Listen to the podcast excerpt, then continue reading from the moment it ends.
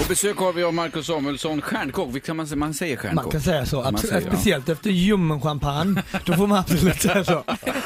Men du, det här med, eh, med eh, Barack Obama, du har, Ja. eh, hur, hur många gånger har du varit där och lagat mat för honom? Ehm, jag har varit där ett par gånger och lagat med, eh, mat med honom. Sen har jag varit där och festat också. Det är ju riktigt roligt faktiskt. Men, och då eh, blir det lite selfies. Men alltså vad, vad, vad säger dina kompisar och dina gäster på ditt, eh, dina ställen och sådär, när, eh, när du dyker upp här och så är du liksom tajt med presidenten? Ja, det, det, det beror på vilken sida man står på så ibland kan bo- både och. Nej men det, det är jättekul faktiskt. Det är fantastiskt för att eh, nu är det så tråkigt för nu är det, nu är det slut på det. Liksom. Nu, är- nu är den färdig här och det nu man börjar inse att shit det har varit en fantastisk tid men det är mycket som har hänt och, och så här så att um, magisk tid som man som jag alltid kommer komma ihåg i alla fall. Och du tror inte du kommer hänga och festa med Trump sen? eh? Jag tror inte han vill festa med mig. I alla fall det jag garanterat.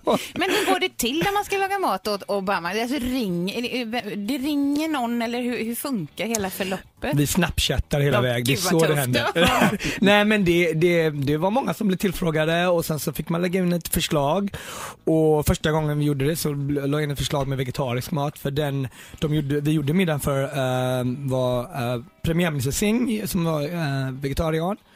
Och så vann mitt förslag och sen så fick vi frågan här och det var många provlagningar och mycket mycket security och hela den här grejen men det var väldigt, väldigt, väldigt kul. Och sen har han, presidenten var väldigt snäll och komma till vår restaurang flera gånger på i Harlem så att det är uh, jättekul. Way back. Men, men du menar, har han varit på Red Roaster?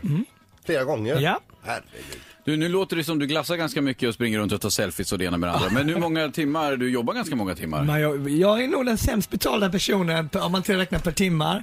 Men jag är jävligt happy i alla fall. Det, det är klart man, det, jobbar man som företagare, som att, eh, matentreprenör så kan man inte räkna timmar. Men man, jag har också säkert världens roligaste jobb. Mm.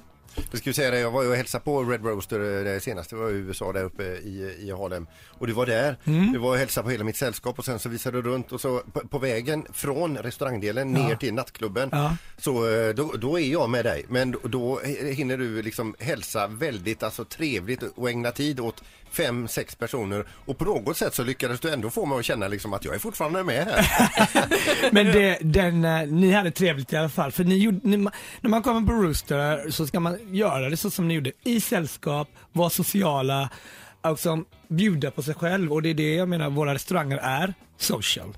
Det är inte så stift och boring liksom. Utan går man ut så ska man ha kul och bjuda på sig själv. Och det gjorde ni liksom. Och det är därför tror jag det funkar mest. Går man in och sitta så här och stiffa, då är inte vi rätt restaurang liksom. Så att det är både ge och ta i det. Och hur många restauranger har du eller är du involverad i totalt sett? Tutti! Worldwide. Uh, worldwide. Nu har vi vi har Streetbird i, som ligger bredvid i Harlem också, en liten rotisserie. Sen öppnar vi London Red Rooster till hösten, eller till, eh, till våren. Så jag, med Kitchen och Table och Clarion bara så är det över 20 ställen i Sverige och Norge. Så att eh, det är full fart i det. Ja.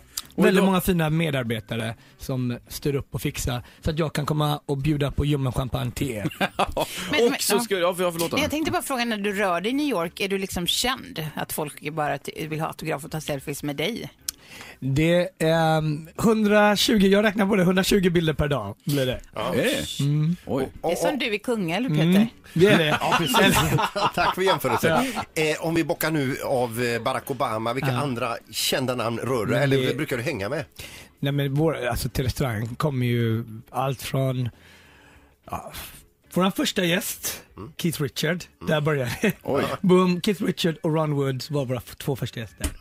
Så det började där, då är man verkligen blessed med musik. Sen har vi, vi gjorde en fest för Paul McCartney, vi har gjort middagar för Bruce Springsteen, för John Legend spelat på restaurangen, Alicia Keys. Så det är musiker är liksom A och O med restaurangerna. Så det kommer, folk äter och sen går de ner och kollar på musik. Man känner sig inte alls, alls liten och löjlig utan det, Ett poddtips från Podplay. I podden Något Kaiko garanterar östgötarna Brutti och jag, Davva, dig en stor dos skratt. Där följer jag pladask för köttätandet igen. Man är lite som en jävla vampyr. Man har fått lite blodsmak och då måste man ha mer. Udda spaningar, fängslande anekdoter och en och annan arg rant. Jag måste ha mitt kaffe på morgonen för annars är jag ingen trevlig människa. Då är du ingen trevlig människa, punkt. Något Kaiko, hör du på Podplay. Därför arkadeinerna.